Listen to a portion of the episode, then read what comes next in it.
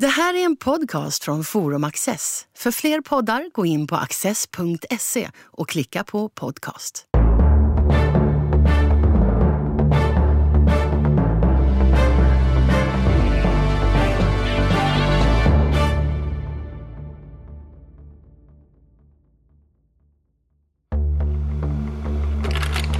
Hermann Broch är en österrikisk författare vars ryktbarhet i huvudsak vilar på två romaner, Sömngångare och Vergil i död.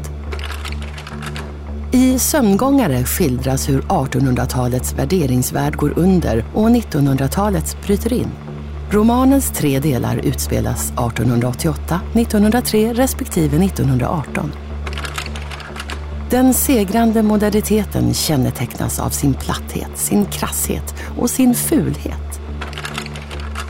Vergil i död är å sin sida ett epitafium över själva litteraturen. Richard Schwartz, som under decennier var Svenska Dagbladets Öst och Centraleuropakorrespondent, samtalar med Peter Luttersson.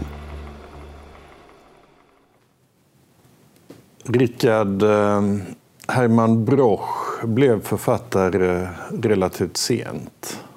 Ja, jag tror att han eh, var väl nästan 40 år gammal när han tog itu med, med uh, Die Schlafwandler. Och han hade ett förflutet egentligen efter... Hans pappa hade ett textilföretag och han utbildade sig till någon sån där textilingenjör och skulle ta över firman och sen vid någon viss tidpunkt så säljer han den och, och blir författare istället. Ja, eh, eh, pappan eh, var en liten obemärkt eh, person av judiskt ursprung, jag tror från Mähren i dåvarande Habsburgska monarkin, eh, som eh, lyckades och blev oändligt rik på den här textilfabriken huvudsakligen i Tesdorf alldeles utanför, alldeles utanför Wien. Och där Hermann Broch eh, ledde den där eh, under rätt många år. Och fram till slutet på 20-talet någon gång? Ja, han, han säljer den eh, 27, gör sig fri som en, som, en, som en munk, befriar han sig från allt världsligt och framförallt då den här fabriken för att helt ägna sig åt sitt författarskap med med, eh, inte med familjens godkännande naturligtvis. Han var gift men de skilde sig någon gång då? Ja, de, de skiljer sig ganska tidigt också. Bara för att ta ett par sådana där biografiska saker. Uh, han konverterade till katolicism redan före första världskriget. Ja, när vet jag inte. Jag undrar ja. om det inte har med hans äktenskap att göra. Det, det sammanhänger med hans äktenskap. Och sedan uh, efter Anschluss så är han en mycket kort period gripen för innehav av olämplig litteratur. Han arresteras i Alt-Aussee, mm. denna berömda eh, eh sommar, eh, sommarturistort i, i, i, den gamla monarkin. Ja. Och det chockerar honom så till den grad att han eh, bestämmer sig för att emigrera till Amerika. Och det gör han också. Och, och sedan han. lever han resten av ja. sitt liv i Amerika. Ja. Då har vi liksom klarat av vad ska jag säga, omständigheterna kring författarskap. Hela hans liv. Ja. Och jag vet att du protesterade när vi växlade några ord om det innan. Att eh, det är två stora verk eh, som dominerar hans författarskap. Och det ena har du redan nämnt. Det, sömngångare heter det väl på svenska. På svenska ja. Ja. Och eh, det andra är väl då Vergil död. Jag tror, jag tror att det är det enda som finns på svenska. Det tror jag också. Och eh, inte bara tror, utan jag kollade på KBs Libris. Eh, det är det enda, eh, i alla fall, enda hela verken som finns på svenska. Det är lite trist naturligtvis, för att det finns en hel del där som är, är skulle vara värt att översätta. Die Schuldlosen, som är en, han kallar det roman, det kan man ju polemisera kring, men som jag tror är elva stycken eh, eh, noveller, skulle jag beskriva det som, eh, som är sammanförda under ett och samma tema. Det handlar egentligen om hur nazismen uppstår på olika märkvärdiga vägar hos människor i olika miljöer som betraktar sig själva naturligtvis. Det är deras självbild att de, att de inte har någon skuld, eller kanske bättre på svenska, ansvar för detta. Den skulle kunna översättas, eller Hoffmannsthal und seine Zeit, som ju är en sorts eh, teoretisk, eh, mer essayistisk pandang till, till sömngångare om världarnas förfall egentligen. Och som man skrev långt senare i eh, Amerika. Ja. Medan Sömngångare är hans första verk. Då.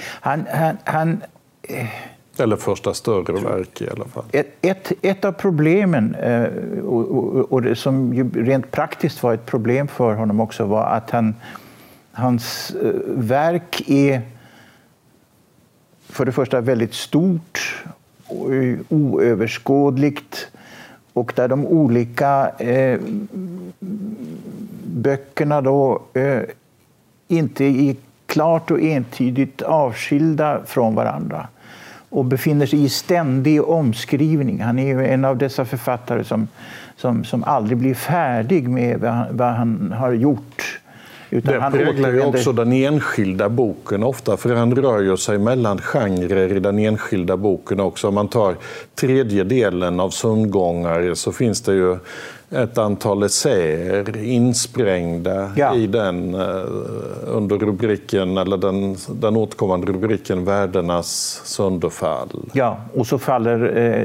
det som han kallar en roman i tre delar där kan man också verkligen fråga sig om, om, om det är en, eh, en, en meningsfull beskrivning.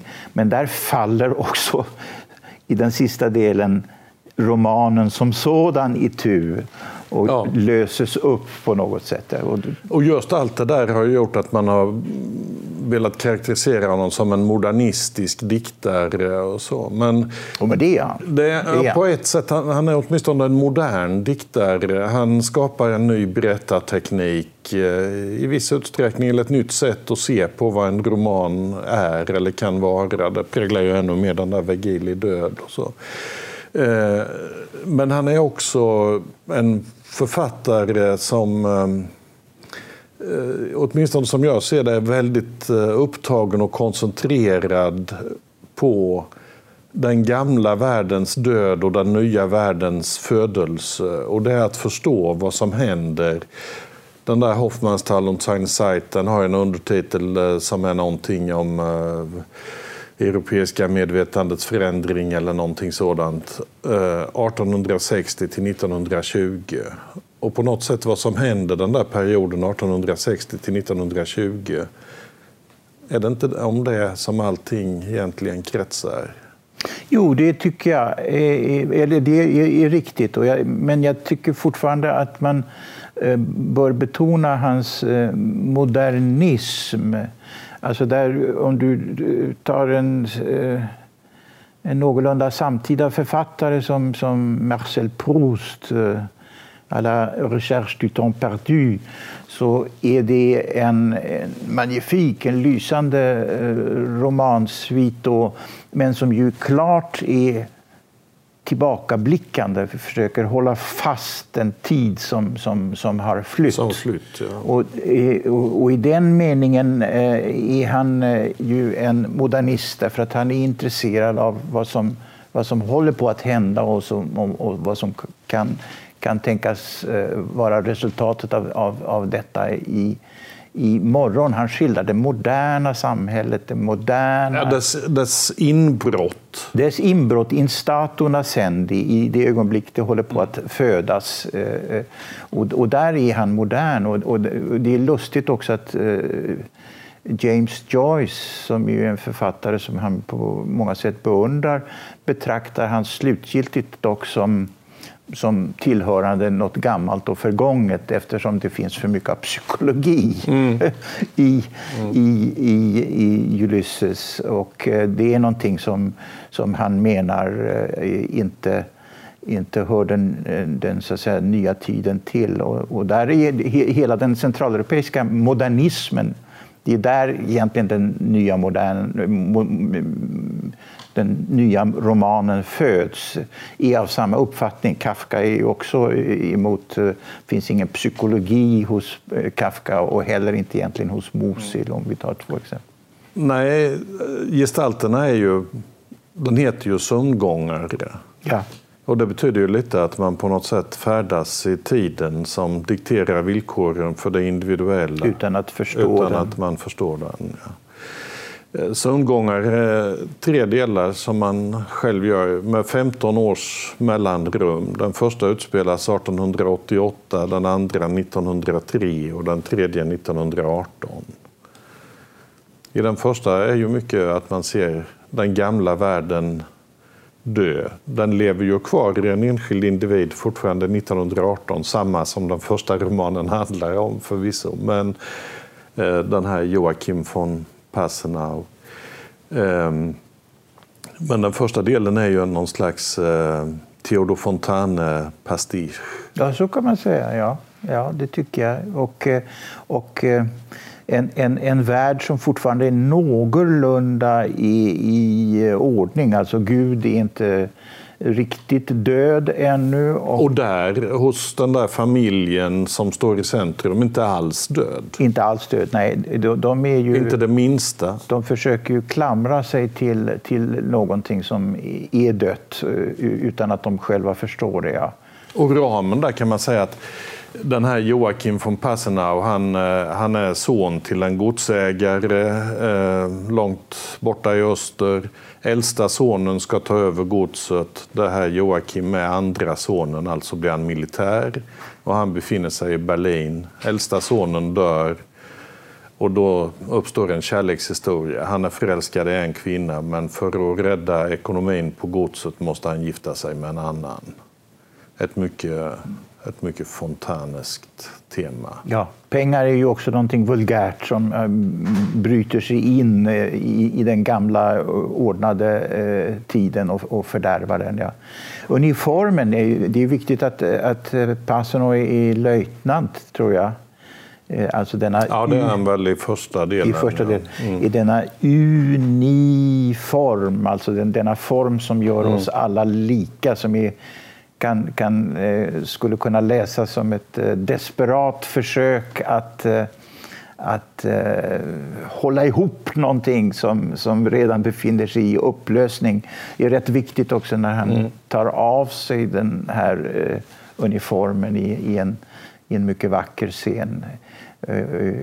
Så det blir också en sorts symbol för allt som befinner sig i förfall och upplösning och sen finns ingenting kvar. Nej, det kan man säga, men fortfarande i den tredje delen som utspelas 1918 så är han ju på något sätt trogen det där med ära och heder. Och då är han statskommendant i någon eh, liten ort. Eh, ja. Eh, och det är i slut, eller kriget eh, tar slut och eh, det blir de här revoltförsök och upprorsförsök och så. Men han är då redan en, en total bi, bifigur? Han är en bifigur, och, så är det ju. Det är olika huvudpersoner i de olika delarna. Men han är en bifigur, men han är på något sätt han är sig lik och han är sina värderingar trogen. Och Gud är fortfarande inte död, utan han hoppas på en gudsstat och sådant där. Samtidigt som han då, det som har varit varit hans andra trygga punkt. Uniformen, militarismen. Allt det där är förstört för första världskriget är bara en massa giftgas och likhögar och ja. smuts och ingen gentlemannamässighet och inga fina parader och sådär. Så att eh, allting som det representerade av positiva värden för honom, det är bortsopat. Den intressantaste delen eh, tycker jag nog i, i den här eh, romantrilogin. Det är den andra? Ja, eh, en, en romantrilogi som heller inte riktigt hänger ihop. Men är väl den andra som, som handlar om Esch. Men där är man då i en värld där där inte ens de här korsetterna i typ av eh, kyrkan och gudstjänst och, och, och heder och eh, uniform finns kvar att hålla sig till. Här är allting i upplösning eh, redan. Och, eh, den, den kallas då Esh eller anarkin? Anarkin, ja. Och anarkin, eh, eh, om, jag, om jag tolkar, om jag förstår Broch rätt, består egentligen i ett tillstånd där de gamla värdena eh, inte längre gäller och där man är på desperat jakt efter någonting nytt att hålla sig till efter, i sökande efter några nya värden. Och alla de värden som, som Esch verkligen engagerar sig för blir då, eh, blir då lätt patetiska. Lätt patetiska för att eh, det som ersätter eh, gudstjänsten eh, blir då några sorts eh, esoteriska eh, eh läror eller några eh, dietföreskrifter eh, och, och, liknande saker. Det blir alltså en, en, en det är starkt eh, satiriserat utav, utav, utav Broch hur allting har blivit eh, eh parodiskt. Eh. Mm, Inslaget av satir och ironi är ju överhuvudtaget stort i de där böckerna. Men jag håller med om, jag tycker nog också att den där Esch-delen är den den är, bästa. Är, är, den, den utspelas då 1903, men en komponent i den det, det är ju också att man bevittnar en uppbyggnad av hat. Ja, det är riktigt. Ett hat ja, som sen vad ska vi säga, löses ut i frustration, frustration. Som frustration. Småningom. Hos honom själv, Esch, så utgår det ju från att han får sparken på några ställen och så börjar han hata eh, fabriksägare eller arbetsgivare och myndigheter, överheten helt enkelt och borgerligheten.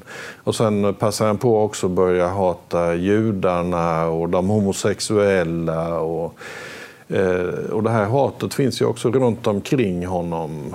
Eh, samtidigt som han vill var, hitta nya värden. Han vill vara idealist och han hittar ett par personer som han på något sätt vill rädda. Dels en, en socialistisk invalid som eh, hamnar i fängelse och dels en en kvinna som... Var finns en uppgift för mig? Ja, ja just det. Precis. Men, men det, det, där tycker jag är utomordentligt intressant därför att eh, de här värdenas eh, förfall och, och eh, upplösning av det hierarkiska, det välordnade som ju är Brochs huvudtema, handlar ju också väldigt mycket om social formatering.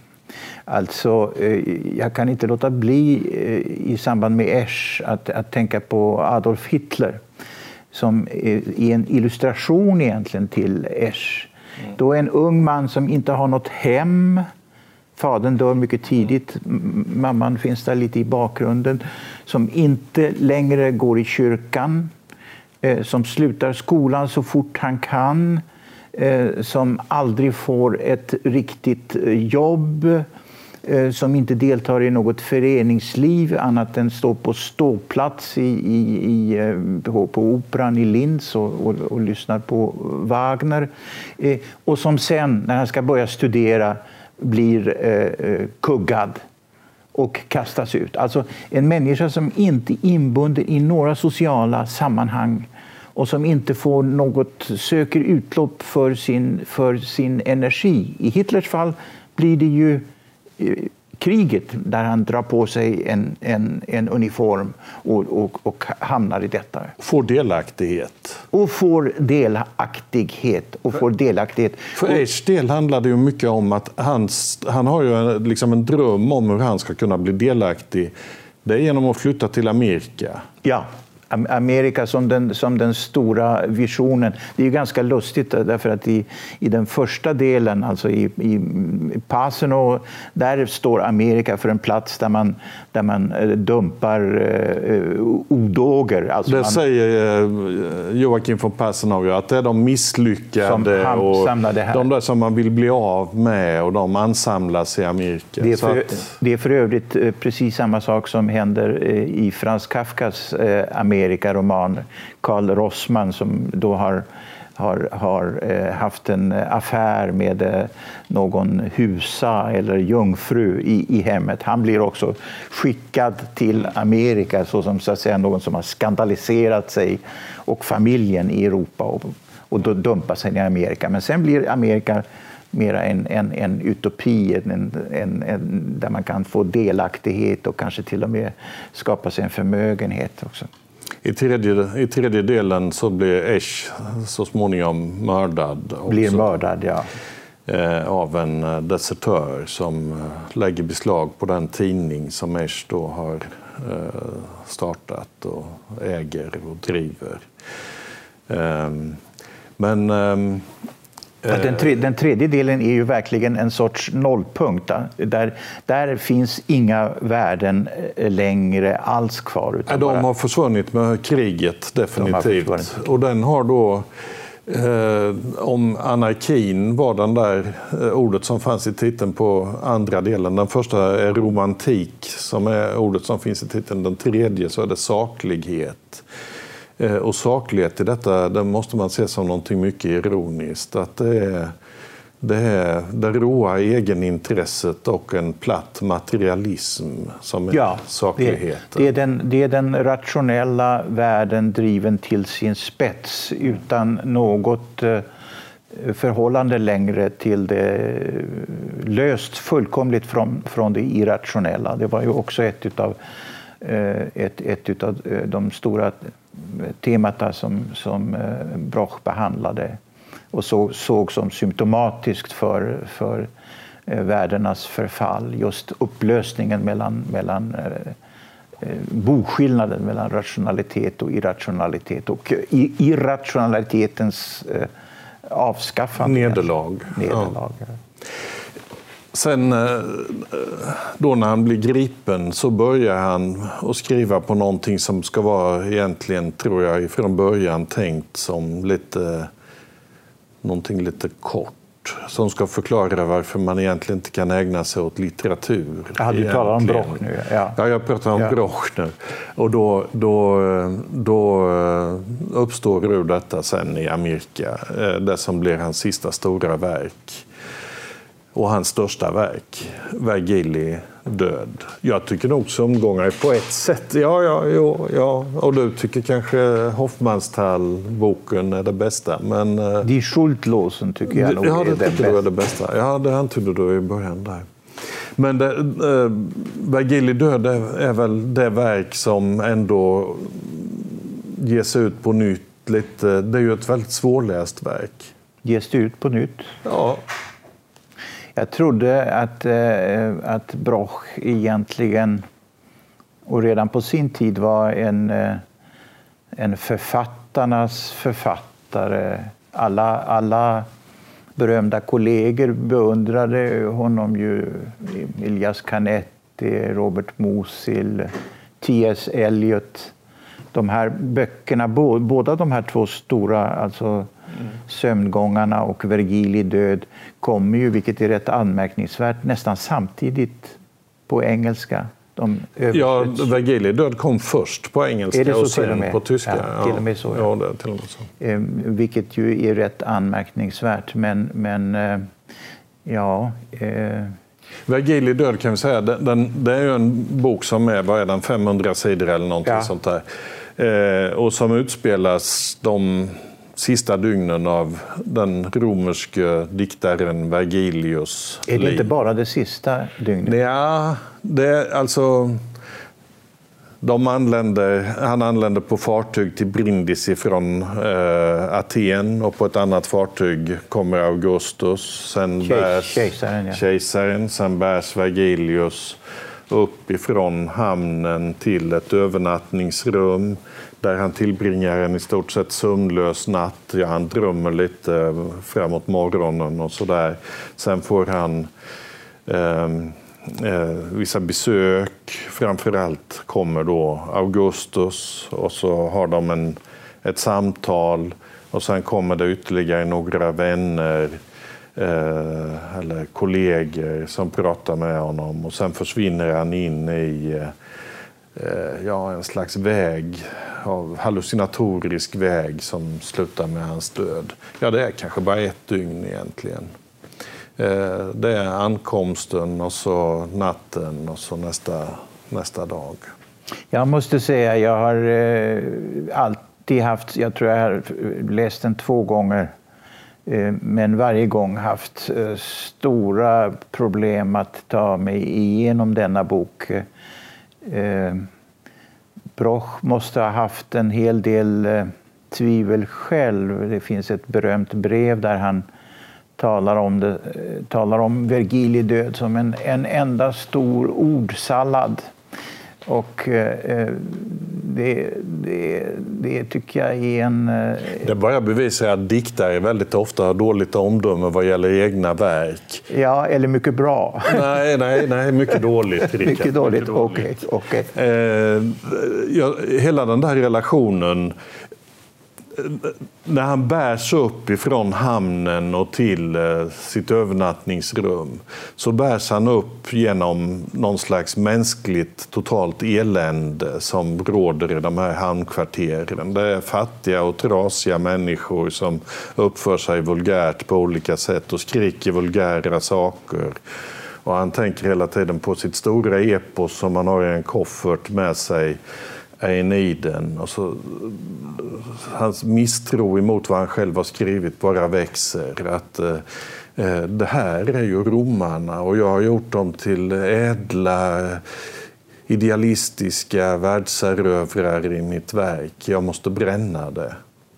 Jo. Men Augustus vill ju inte ha det bränt. Och så uppstår en sån här eh, dialog mellan diktare och härskare, ungefär som när eh, Ezra Pound träffar Mussolini eller när Hamsun ja, träffar ja. Hitler. Eller ja. så.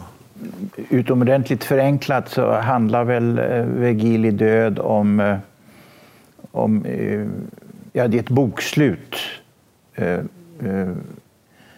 Över litteraturen? Över, över, ja, över livet och livets mening och det kreativa verkets betydelse i ett sådant sammanhang. Eh, samma, och jag, och jag, tycker fortfarande det är en utomordentligt intressant bok och det finns vackra enskildheter men jag tycker att det hela är, är mycket, mycket bättre konstnärligt gestaltat. Eh, samma grundläggande problematik eh, hos till exempel eh, Ernest Hemingway, Den gamle och havet. Eh, där, där, där har det fått en, en, en överlägsen konstnärlig form, måste jag säga. Jo, om man ser det som att det är en roman som handlar om livet. Jo, men det gör det ju. Men jag, jag uppfattar Vergiliedöd som en roman om litteraturen och litteraturens hjälplöshet i en viss situation. Eh, ja, och... Vergilius jämför sig där med Homeros och säger ja men Homeros eh, han, eh, han levde bland gudarna och han kunde ge dem röst och så. Men ja, allting blir bara förfalskat. Ja. Eh, och, och det här som han kallar någonting världsmångfald eller myller, vad det är. Eh, det tränger aldrig in i hans verk. Eh, och därför blir det förljuget, falskt. Och det är på något sätt litteraturen som inte längre kan beskriva världen sådan den är.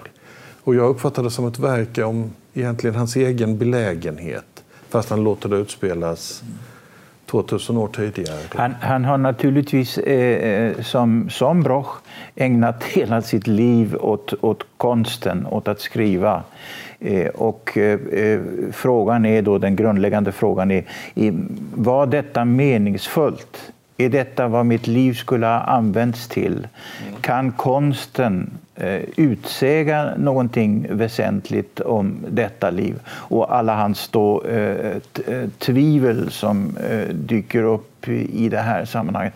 Det är väl det han handlar om det, det, är väl det det hela handlar om. Och där är väl eh, egentligen, eh, är, är, tror jag, Brochs slutsats eh, mycket pessimistisk. Eh, ja, den är väldigt pessimistisk också i det avseendet att Augustus lägger ju beslag på manuskriptet och det blir han som segrar så att han har inte ens kontroll över sitt eget verk.